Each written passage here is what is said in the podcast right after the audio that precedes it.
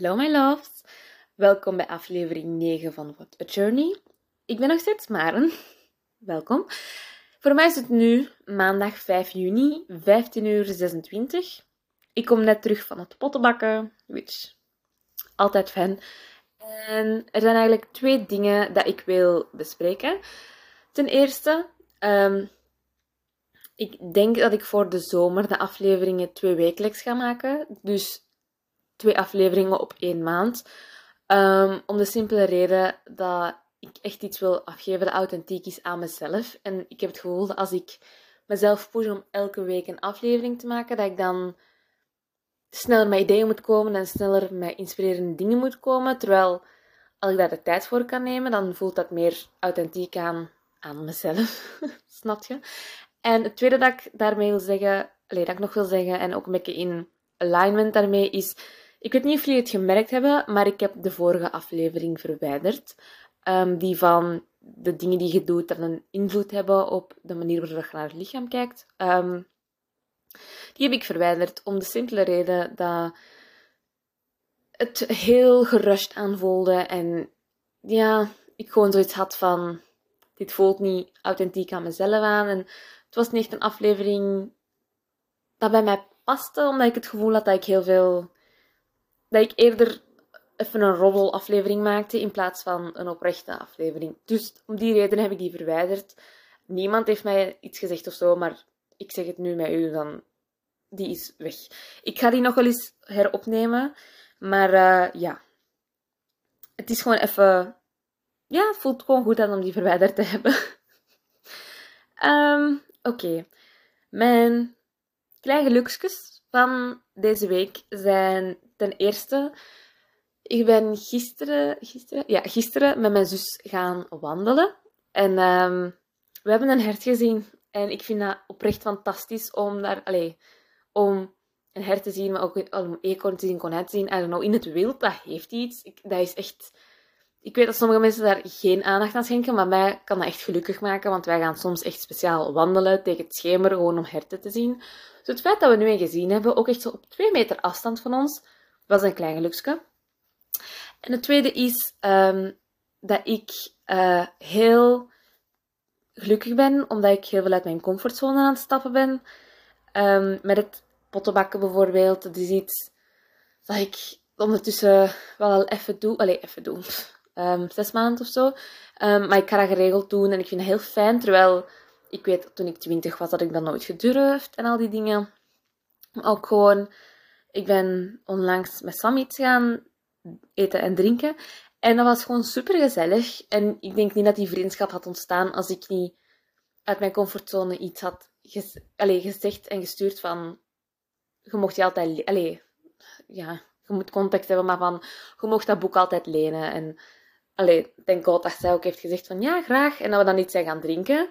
Terwijl hetzelfde geld dat ik niet gestuurd dat ze dat mocht lenen en dan ja, en de gesprekken, tot zover is het. Terwijl nu heb ik iemand om, die mij uitdaagt om gewoon dingen anders te zien. En, en kan ik dingen bespreken en echt een, een goed, diep gesprek hebben over zelfliefde. En al die dingen, iemand die dat begrijpt, iemand die door hetzelfde proces gaat, een beetje anders, maar die weet hoe het is en die ook aan het leren is om jezelf een beetje te navigeren door je twintiger jaren of zo. Allee, iedereen doet dat, maar niet iedereen denkt daar zo hard over na als ons. Um, snap je? Dus ik ben gewoon heel blij dat ik uit mijn comfortzone stap en dat het loont en dat ik, dat ik meer creativiteit heb als normaal en dat ik vriendschappen vorm die, ik, die normaal niet gevormd zouden worden. Snap je? Also, als je aan het luisteren bent, hi. Um, en dan ben ik geïnspireerd door dat gesprek is dus deze aflevering. Um, aflevering ga ik dus een beetje all in over de vraag die ik wel geregeld gesteld krijg, namelijk waarom specifiek is zelfliefde het begin van alles?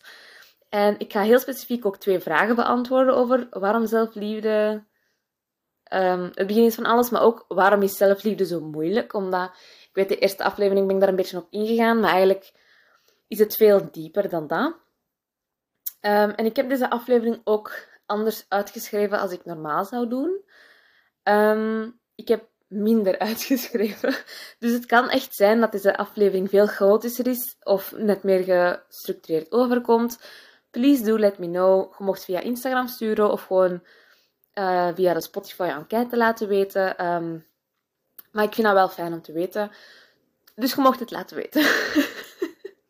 uh, het kan dus ook zijn dat er stilte zijn waarin ik nadenk over wat ik ga zeggen. Of meer gestotter. Ik ben sowieso niet echt een persoon. Ik kan wel goed mijn gevoelens en gedachten omschrijven. Maar ik weet dat ik soms stotter. Alleen stotter is dan niet maar zo. Niet uit mijn woorden raak. Of zo dingen fout uitspreken en dan ja, dus het kan zijn dat dat meer is in deze aflevering, maar we zullen zien. We gaan beginnen met de vraag waarom dat zelfliefde het begin is van alles. Ik heb in puntjes gewerkt, um, dus ik ga echt letterlijk zeggen 1 en dan 1a, 1b, 1c en dan 2. Dus het is echt een heel gestructureerd op dat vlak, omdat ik denk dat dat het makkelijkste is. Dus de vraag waarom is zelfliefde het begin van alles is Ten eerste omdat dat uw perceptie verandert van vrijwel alles. Ten eerste van uzelf, van hoe je naar uw lichaam kijkt, naar uh, uw capaciteiten, naar de manier waarop je tegen jezelf praat. En ik denk dat dat een. Denk daar niet over na totdat je aan een zelfliefde journey begint. Maar de manier waarop je naar jezelf kijkt is fundamenteel als jij altijd van je eigen denkt dat je geen goed lichaam hebt, dat je lijf mis is, dat weet ik veel wat, dan gaan je hersenen ook bevestigen. Als jij je capaciteiten onderschat, dat jij denkt dat je niks goed bent, of dat jij je eigen niet de krediet geeft die je verdient, dat gaat, zoals ik later ga zeggen, um, samengaan met uw blik op opportunities, maar dat ga ik subiet uitleggen. En gewoon, ik heb het al gezegd, maar de manier waarop je tegen jezelf praat is echt belangrijk en het is echt gewoon important om lief tegen jezelf te zijn. Ten tweede verandert het ook de perceptie die je hebt over anderen, hoe zij reageren als jij iets zegt. Bijvoorbeeld als jij een healthy boundary um, aan hun geeft en zij reageren daar boos op. Ja, daar heb ik het een en het ander over te zeggen. Maar ook hun energie, ehm, de gesprekken die je daarmee hebt, dat gaat allemaal veranderen, net omdat ook het beeld van je eigen erop verandert. Ten derde, uw toleranties, uw energie en daarbij horend ook uw blik op opportunities. Het hangt dus ook samen, zoals ik al heb gezegd, met de perceptie die je van jezelf hebt. Um, met je weten wat uw energie niet meer waard is en wat je niet meer gaat tolereren. En wat ik daarnet al zei, weten wat je capaciteiten zijn, hangt af hoe dat je op um, opportunities gaat reageren. Wat is het Vlaamse woord voor opportunities? Kansen. Ja, kansen. Um, als jij denkt, ik ben niet goed genoeg in X of Y, dan ga je ook niet uh, ja zeggen op een kans dat met X of Y te maken heeft. Bijvoorbeeld, um, ik ben schoonheidsspecialiste van opleiding. Als ik tegen mezelf zeg, ik ben geen goede schoonheidsspecialiste. Ik heb het ondertussen al twee jaar niet meer gedaan. Um, bla bla bla bla bla. En ik zie een um, jobaanbieding uh, voor een schoonheidsspecialiste. Dan ga ik die niet aannemen, want ik denk van mezelf dat ik geen goede schoonheidsspecialiste ben. Terwijl als ik wel weet van, oké, ik heb het ondertussen al een tijdje niet meer gedaan, maar ik heb die opleiding met glans geslaagd en ik doe het nog steeds graag, dus ik ga gewoon ja zeggen en ik zie wel wat het mij brengt. Zie je hoe dat je een kans kunt mislopen als je je capaciteiten ondermijnt. En hoe dat je um, ook een kans kunt mislopen doordat je tegen negatief babbelt. Um, ik heb onlangs iets gelezen over de expiration date of bread. Als, we weten allemaal dat brood een expiration date heeft, een vervaldatum. Um, maar je weet ook dat je dat in principe nog zou kunnen eten. Er gaat misschien schimmel op staan, dat gaat misschien mega hard zijn, maar in principe kun je het nog eten.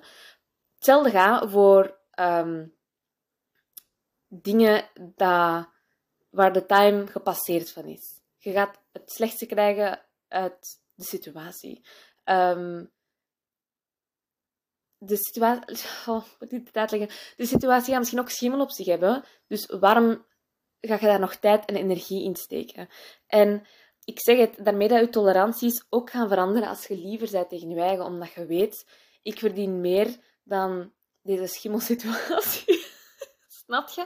Gewoon getting the worst out of something when the time is past is iets dat je moet weten en leren van het is niet omdat me dit heel lang gelukkig heeft gemaakt dat ik er nu geen afstand van mag nemen. Het is niet omdat iets al heel lang zo is dat het niet beter kan, dat het niet anders kan.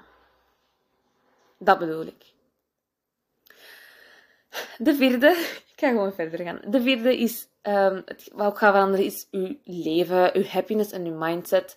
En I said it before and I will say it again, maar mindset is everything. En dat weten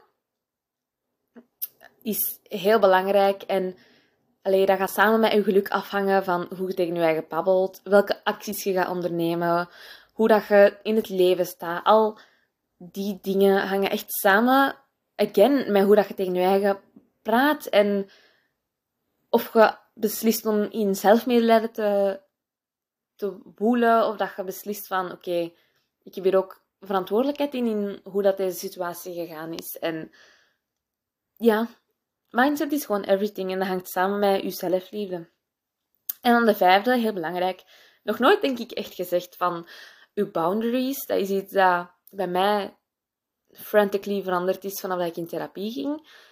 Weten wanneer het voor je lijf genoeg is. Weten dat het met bepaalde personen genoeg is. Like I said, expiration date of breath, getting the worst out of something when the time is past. I mean, voor jezelf kunnen zeggen, hier stopt het. Of zeggen van, hier is het genoeg. Zeggen nee of... of ik laat nog iets weten en dan... Of cancelen, dingen cancelen. Nu niet een kwartier op voorhand alsjeblieft, maar dingen cancelen voor uw mental health, voor tijd met uw eigen, tijd met familie, voor belangrijkere dingen, is belangrijk. En uw grenzen aangeven is super belangrijk, omdat je kunt niet gieten uit een lege kan. En als jij elke keer over je boundaries gaat, of andere mensen gaan over je boundaries, dan gaat je uiteindelijk wel proberen gieten uit een lege kan, maar je kunt dat, dat gaat letterlijk niet. Dus ja, je boundaries is ook iets super belangrijk dat je leert vanaf dat je aan zelfliefde gaat doen. Dus conclusie, alles hiervan hangt eigenlijk samen. maar gewoon door zelfliefde en elke dag een beetje de bewuste keuze te maken van lief te zijn voor je eigen. Weten dat je de capaciteit hebt om moeilijke dingen aan te kunnen en om te groeien. En daardoor dus veel kansen niet te gaan missen. Is levensveranderd. Niet aan zelfsabotage doen. Als ik heel persoonlijk moet zeggen. ik weet dat ik vroeger heel veel aan zelfsabotage deed. Mezelf niet toestaan om geluk te voelen. Mezelf niet toestaan om iets nieuws te proberen. Het schrik dat ik slecht ben in iets. Dat is zelfsabotage. En dat is... Nu doe ik dat uh, niet heel veel. Ik ben aan het denken. Ik kan me niet herinneren wanneer ik nog de laatste keer mezelf gezelfsaboteerd heb. maar ik kan me niet herinneren dat ik dat nog gedaan heb. Maar het feit dat ik niet meer elke dag iets van zelfsabotage doe, komt omdat ik drastically veranderd ben in my being en in mijn grenzen stellen, in mijn mindset, mijn toleranties en mijn beeld van mezelf. Dat is de conclusie hiervan. nog iets dat... Uh, allez, waarom dat zelfliefde ook nog het begin is van alles, is ook omdat je leert kennen wat wel en niet uw verantwoordelijkheid is. Dit zijn vier dingen dat niet uw verantwoordelijkheid zijn, waar ik heel veel mee gestruggeld heb. De eerste zijn andere hun reacties. Niet uw verantwoordelijkheid. Ehm, net zoals uw eigen reactie, hangt die van anderen ook af van verschillende zaken. Um, dat hangt weer af van de lens, de mindset waar daar zij mee rondlopen. Dat hangt af van uh, trauma's waar zij mee rondlopen, van uh, littekens, hoe belangrijk ze dingen vinden. Dus je kunt enkel je eigen reactie in de hand hebben en enkel je eigen reactie is uw verantwoordelijkheid. Uh, wat ook niet uw verantwoordelijkheid is, is anderen hun perceptie van u. Um, je moet weten dat wat zij wel of niet van u denken, u alsnog geen van beide van die dingen maakt. Maar once again, dat is afhankelijk van de lens waarmee zij naar u kijken. Ehm, als zij vinden dat jij wel arrogant bent en niet empathisch, betekent niet dat jij wel arrogant bent en niet empathisch. Dat is gewoon hoe dat zij naar u kijken en de context waarmee ze naar u kijken. Ik bedoel, voor sommige mensen ga je de, de hero zijn en voor anderen de villain. Gewoon op basis van de keuzes die je maakt, gewoon op basis van wat dat je meedeelt en wat dat je voor je eigen houdt. En zij maken gewoon ook een afweging voor hun eigen om u in een doosje te stoppen van slecht persoon, goed persoon. En dat is niet uw verantwoordelijkheid om daaraan te doen. En dat is ook niet uw verantwoordelijkheid om hun op andere gedachten te brengen. En ja, gewoon dat. Ik denk dat dat wel duidelijk is. De derde is comforting others after they hurt you. Heel belangrijke. Spijtig genoeg heb ik daar ervaring mee. Je hebt geen closure nodig om verder te gaan. Dat is gewoon soms onmogelijk om closure te hebben. Um, je moet gewoon weten dat je weg moogt lopen zonder iets van closure, zonder iets van afsluiting, zonder iets van uitleg. Um, als je een uitleg krijgt, kijk hoe. Maar alsnog moet je dat kunnen plaatsen in je leven. En als je dat niet kunt plaatsen, heb je alsnog geen closure gehad. Dus dan heb je daar niks aan. Dus soms moet je leren om verder te gaan zo. En het is niet uw verantwoordelijkheid om gemakkelijk te zijn voor anderen of om in een bepaald doosje te blijven, gewoon zodat anderen het makkelijker vinden. Um, en soms gaan er ruzies zijn in uw relaties, vriendschappen, ja, relaties. Um, en dan is het niet aan u om sorry te zeggen of om. Um, ik ben dit heel slecht aan het verwoorden. Maar als iemand u kwetst en zij gaan daarna al in zelfmedelijden, dan is het niet aan u om daar sorry voor te zeggen. Zij zijn degene die u gekwetst hebben. En dat is niet uw verantwoordelijkheid dat zij die dingen gezegd hebben. Um, weet je wel, soms, soms zakt het leven gewoon. It happens. En soms zijn mensen gewoon niet hoe dat je dacht dat ze waren. En als jij voor je eigen vindt dat het beter is om mensen te blokkeren of om mensen uit je leven te knippen, dan moet je dat doen. En sommige relaties bloeden gewoon dood. Sommige vervagen met de tijd en sommige gaan gewoon in their lifetime gewoon, in de lifetime van de relatie zelf, gaan gewoon duizend keer beetje bij beetje dood gegaan zijn. Maar ja, ik weet niet hoe ik dit moet uitleggen, maar gewoon als mensen echt iets gezegd hebben om u te raken, om u te steken, dan, en daarna zo gaan zijn van, oh maar, en allemaal in zelfmedelijden gaan, dat is niet uw verantwoordelijkheid om hen daarna nog te gaan troosten. Ja, ik denk dat dat heel slecht... Ik weet nu al dat dit stuk echt wel gaat zijn van, what is she saying? Maar denk er anders over na dan gewoon een ruzie. Um, Anders gaat dit inderdaad heel vreemd overkomen. ik zeg niet dat je nooit sorry moet zeggen. I mean, please do. Um, een gemene sorry maakt echt een wereld van verschil.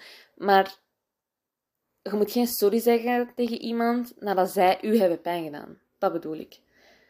Basic. Um, de vierde is um, de healing process of persoonlijke groei van anderen. Is niet uw verantwoordelijkheid en dat is super frustrerend soms, maar je kunt daar niks aan doen. Um, er is introspectie voor nodig om naar je eigen acties te willen zien, naar je eigen denken te willen zien. En sommige mensen hebben dat gewoon, hebben dat niet, kunnen dat niet, willen dat, willen dat niet. Um, ik heb het al gezegd, maar het, is, het vraagt superveel... Nee, ik weet niet of ik dit al gezegd heb, maar het vraagt gewoon superveel moed om aan je eigen te willen werken. Um, daarom dat zelfliefde zo moeilijk is. Um, en ik merk dat nu ik heel ben en nu ik... Ik zeg niet dat ik alles 100% goed doe, maar nu ik gewoon mijn best doe voor mezelf, merk ik dat ik het soms frustrerend vind dat andere mensen niet in therapie gaan of dat andere mensen niet gegroeid zijn. Ehm, ik heb al langs iets voor gehad dat. Oh, ja, mensen wouden mij niet zien. Terwijl ik daar oprecht geen probleem mee had gehad als ze waren langs geweest. En ik vind dat triestig.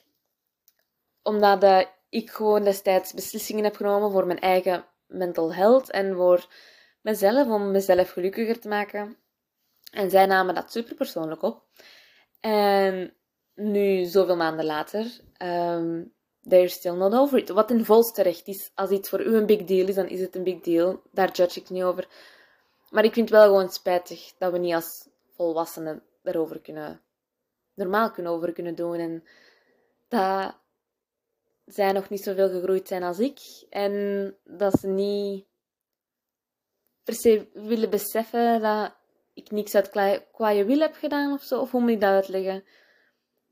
Als jij gewoon heel ver in je healing journey zit en in je zelfliefde journey en andere mensen blijven vastgeroest in hun ideeën en in hun manieren van doen, dan kan dat soms gewoon frustrerend zijn. En daar kun je niks aan doen. Helaas kun je daar niks aan doen. Dus de conclusie hieruit is eigenlijk dat je enkel verantwoordelijkheid voor jezelf, voor je eigen woorden, je acties, je daden, hoe dat je omgaat met dingen. En ja. Je mocht ook nooit je eigen geluk. Um, je eigen geluk gaat niet ten koste van dat van iemand anders. Absoluut niet. Je moet niet klein blijven of terug naar oude manieren gaan, puur om een ander gelukkig te maken, omdat het idee dat jij groeit voor hun als bedreigend overkomt. Snap je? En de derde reden waarom zelfliefde het begin is van alles, is omdat je leert zorgen, leert zorgen voor de tienjarige versie van jezelf. Um, ik heb ooit iets, ooit iets gelezen dat je love languages, allez, je love language is wat je als kind nodig hebt. Mijn love languages is uh, words of affirmation. En wat ik het, eerste waar ik, um, wat ik ga doen als ik een slechte dag heb, is gemeen zijn tegen mezelf. En ik zeg niet dat dat altijd klopt, maar ik vind dat wel, ik denk wel dat dat vooral gaat kloppen. En ik denk dat um, elke keer ik gemeen ben tegen mezelf, niet dat dat nog zo heel veel voorkomt. Ik heb letterlijk op mijn prikbord een foto hangen van 18-jarige mij. Um, en ik heb spacebuns in mijn haar en mijn tanden staan nog helemaal scheef. En ik heb nog die innocence dat een kind heeft. En elke keer dat ik een beetje me slecht voel in mijn vel en ik het gevoel heb van ik ga iets gemeen zijn, ik ga niet, geen respect hebben voor mezelf, ik ga geen um, vriendelijk woord kunnen opbrengen voor mezelf, kijk ik naar die foto en dan herinner ik mij dat alles wat ik zeg, tienjarige, achtjarige ik ook hoor.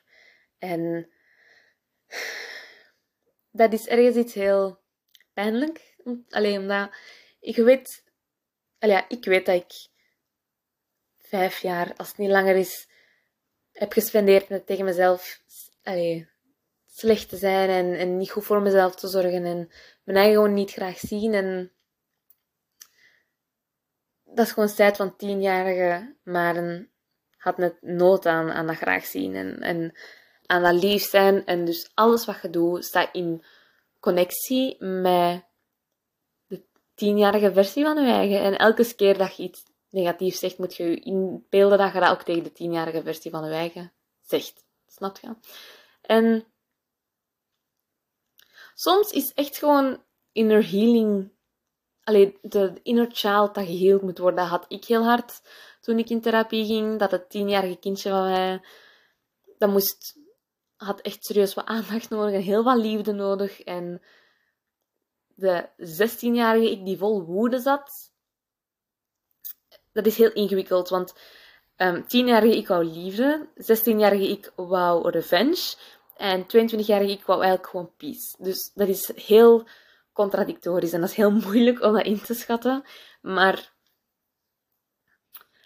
door voor je inner kind te leren zorgen, daarnaar te luisteren en te weten wat dat die nodig heeft. En dat is heel moeilijk om dat te kunnen uitleggen. Dus je gaat dan moeten uitzoeken bij eigen wat dat je tienjarige ik nodig heeft. Door inner child healing te doen, wordt de kant van u die revenge wilt en die woede heeft, wordt daardoor ook gekalmeerd. Because obviously ga je van 10 naar 16 jaar, dus als je voor je 10-jarige zelf zorgt, dan kalmeert de woede van 16-jarige jij ook. En het je alsnog de rust die ik had op mijn 22. Snap je? Dat was een beetje... We zijn al 25 minuten bezig en ik heb nog een vraag te beantwoorden. Oké, dat was dus een beetje alles over waarom dat zelfliefde het begin is van alles. Heel specifiek daarvan ben ik echt in puntjes gaan uitleggen. En dan nu over waarom dat zelfliefde zo moeilijk is. Ehm, ten eerste is dat omdat een deel van je persoonlijkheid weggaat. Um, ja, 1a heb ik hier geschreven. Um, dus deel van je persoonlijkheid gaat weg, omdat je brein steekt alles in hokjes en het wil niet fout zijn. Ik heb dit al eens gezegd met je mindset. Um, als jij tegen je eigen zegt, ik ben dik, dan gaat je brein alles zoeken om dat ding te conformeren. Dus fout zijn was een slechte tijdsinvestering. Um, dus als jij je persoonlijkheid in hokjes steekt en je brein doet dat, dus dat is niks allez, conscious, dat gebeurt gewoon van zijn eigen. En dan wilt jij, als jij, basically, als jij, ik heb bijvoorbeeld, ik heb gezegd dat dit een stopperaflevering wordt. Ik heb jarenlang tegen mezelf gezegd: Je bent niet goed genoeg, je bent het niet waard, je bent bla bla bla bla. Ik heb dat zes jaar, als het niet langer is, tegen mezelf gezegd. Ik denk niet dat ik het zes jaar echt tegen mezelf gezegd heb. Ik denk dat ik het eerst vier jaar gevoeld heb, zes jaar gezegd heb. Dus dat sleept langer aan.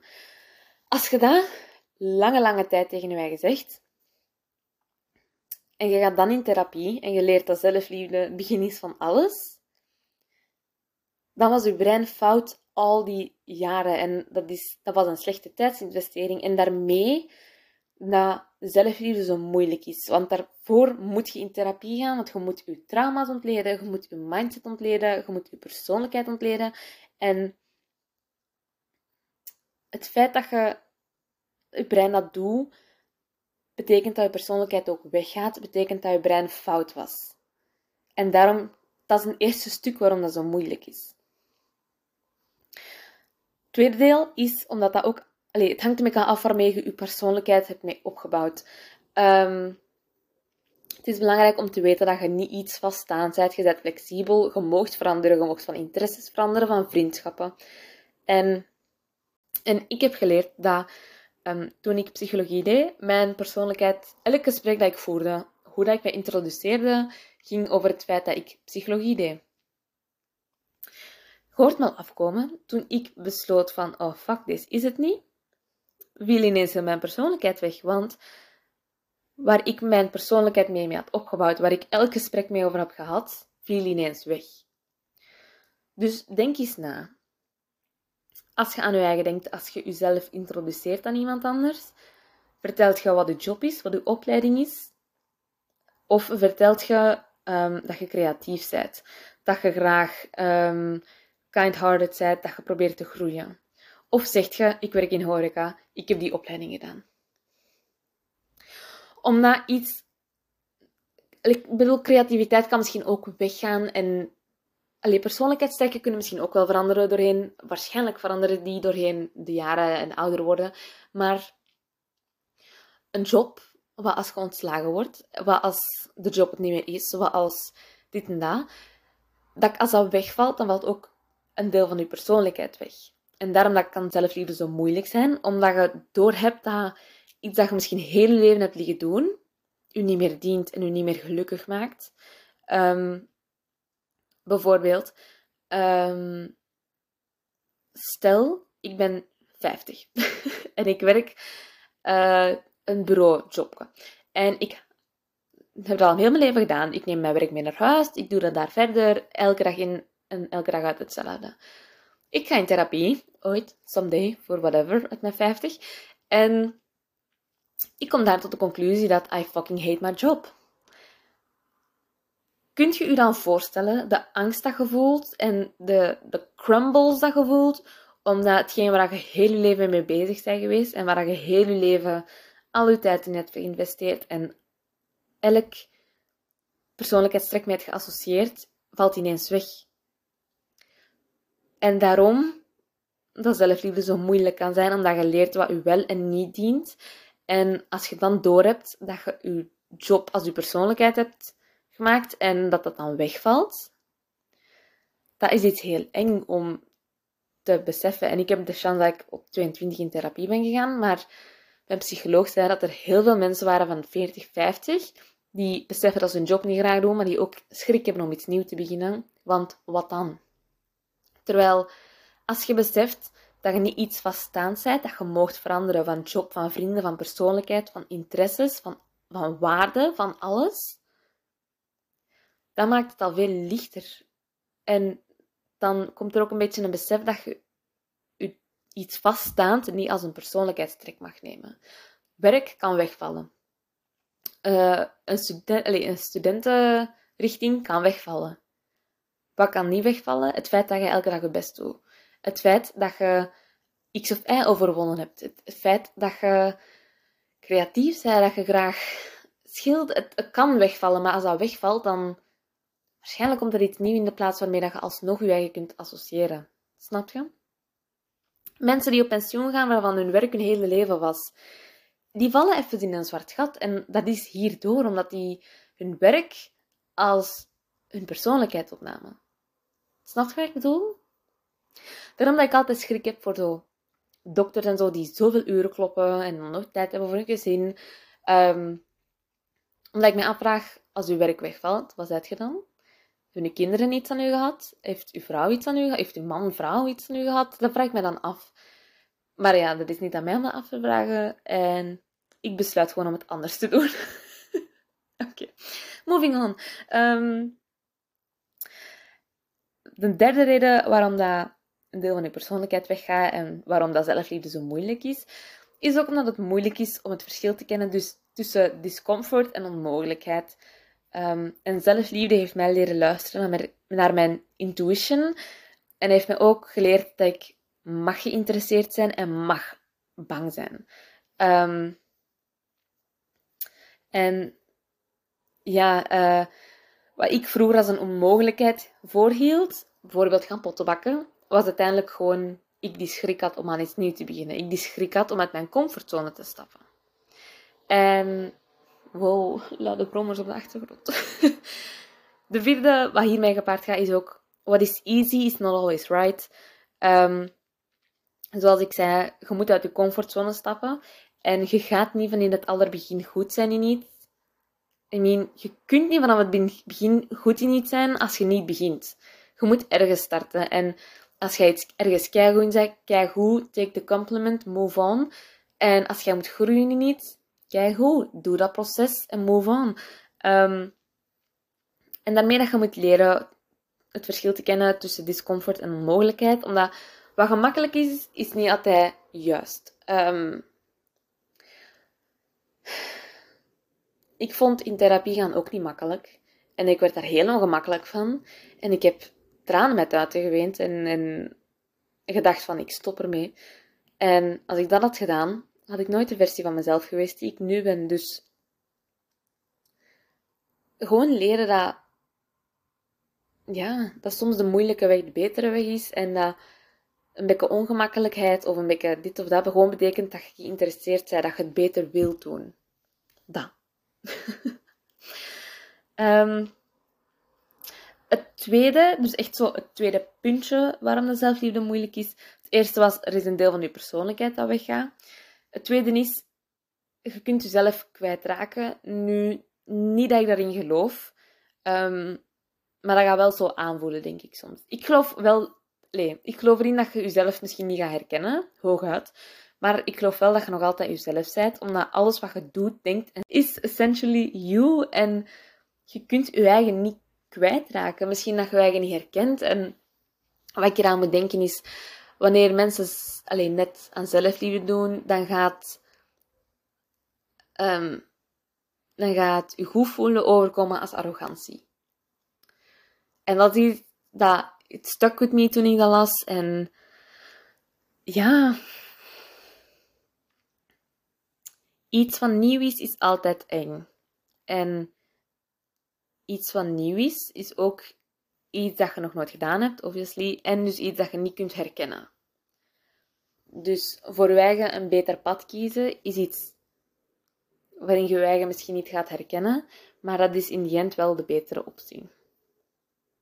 En een derde waar dat ook hiermee gepaard gaat, is je ziet in je omgeving het een en dan is het ook moeilijk om te weten dat het anders kan. Ehm, ik heb onlangs iets gelezen, ik moet zien dat ik dat deftig uitleg. Ik heb onlangs iets gelezen over um, dat de meeste mensen geloven dat you can't love someone else before you love yourself. En dat, ik geloof wel dat dat somehow waar is, want ik merk dat voor ik aan in therapie ging, dat ik heel veel relaties heb gesaboteerd. Um, daarmee bedoel ik letterlijk elke relatie die je kunt hebben, vriendschappelijk, niet vriendschappelijk, al die dingen, heb gesaboteerd. En ik denk, moest ik beter in mijn vel zitten, had ik dat minder gedaan en had ik minder mensen tot het uiteinde gedrijfd en minder. Um, gewoon minder um, mezelf in bochten gevrongen om te laten zien van, kijk, ik kan geliefd worden. Alleen om, om maar mensen niet kwijt te raken. Zo. Um, en dus, ja, ik geloof wel dat je beetje aan zelfliefde moet doen. en Dat je in een functionerende relatie kunt stappen. Omdat je ook introspectie nodig hebt en je aandeel moet weten in een relatie. En moet weten dat je beter verdient. Wat je wilt in een relatie. Al die dingen. Um, maar ook... Um, je, hoe moet ik dit uitleggen? Als je... Uh, het is moeilijk om je eigen graag te zien als je nog nooit door iemand graag gezien bent. Wat bedoel ik hiermee? Ik probeer dit uit te leggen omdat ik dit had gelezen op een Instagram-post van iemand die uh, neuroscience, uh, neurowetenschap had gedaan. En ik ben aan het denken hoe dat de post ging. Basically, um, iets wat je nog nooit gedaan hebt, is in je brein ook nog niet vastgelegd. En er zijn nog niet de, de brain maps voor gemaakt. Um, dus als jij nog nooit graag gezien bent, als jij je hele leven in isolement hebt geleefd, dan weet je ook niet dat het is om je eigen graag te zien. Ehm, dus je moet op een manier wel al graag gezien zijn, om te weten hoe het is om voor jezelf, om jezelf graag te zien. Um, ja. Ik weet niet of ik dat nu echt duidelijk heb uitgelegd. maar ja, ik geloof niet dat je. Ik geloof niet dat. Um, wat ik hiermee niet wil zeggen is dat je andere mensen hun validatie nodig hebt of um, approval voor iets. Dat is hetzelfde. Maar dat je wel op een manier al moet hebben geweten hoe het is om eens graag gezien te zijn. Um, hoe het is om je moet eens iemand anders empathisch hebben zien doen en liefdevol naar je hebben zien doen, voordat je weet hoe dat je dat naar je eigen moet doen. Um, beetje the same way dat um, abusive parents, alleen ouders die hun kinderen slagen of zo, um, dat je dat als kind vaak meeneemt, omdat je nooit iets anders gezien hebt. En dat geldt hetzelfde voor mensen die nooit uh, misschien een soort van liefde hebben gekend in hun leven toen ze kind waren.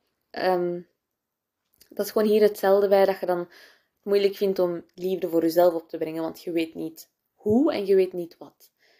Um, dat. Dat iets wat je nog nooit gedaan hebt, ook nog niet gevormd kan zijn in je brein. En dat je vaak gewoon overneemt wat je van kleins af aan hebt gezien in uw omgeving. Of dat nu van uw ouders is, van uw vriendschappen, van uw eerste echte relaties. Um, ja, dat bedoel ik. En gewoon weten dat wat je in je omgeving ziet anders kan, is het heel moeilijk, omdat je daarmee opgroeit. En ik denk daarmee dat abusive parents niet... Waar ga ik heen met die zin? Ik denk daarmee dat um, je vaak, als je dat hoort van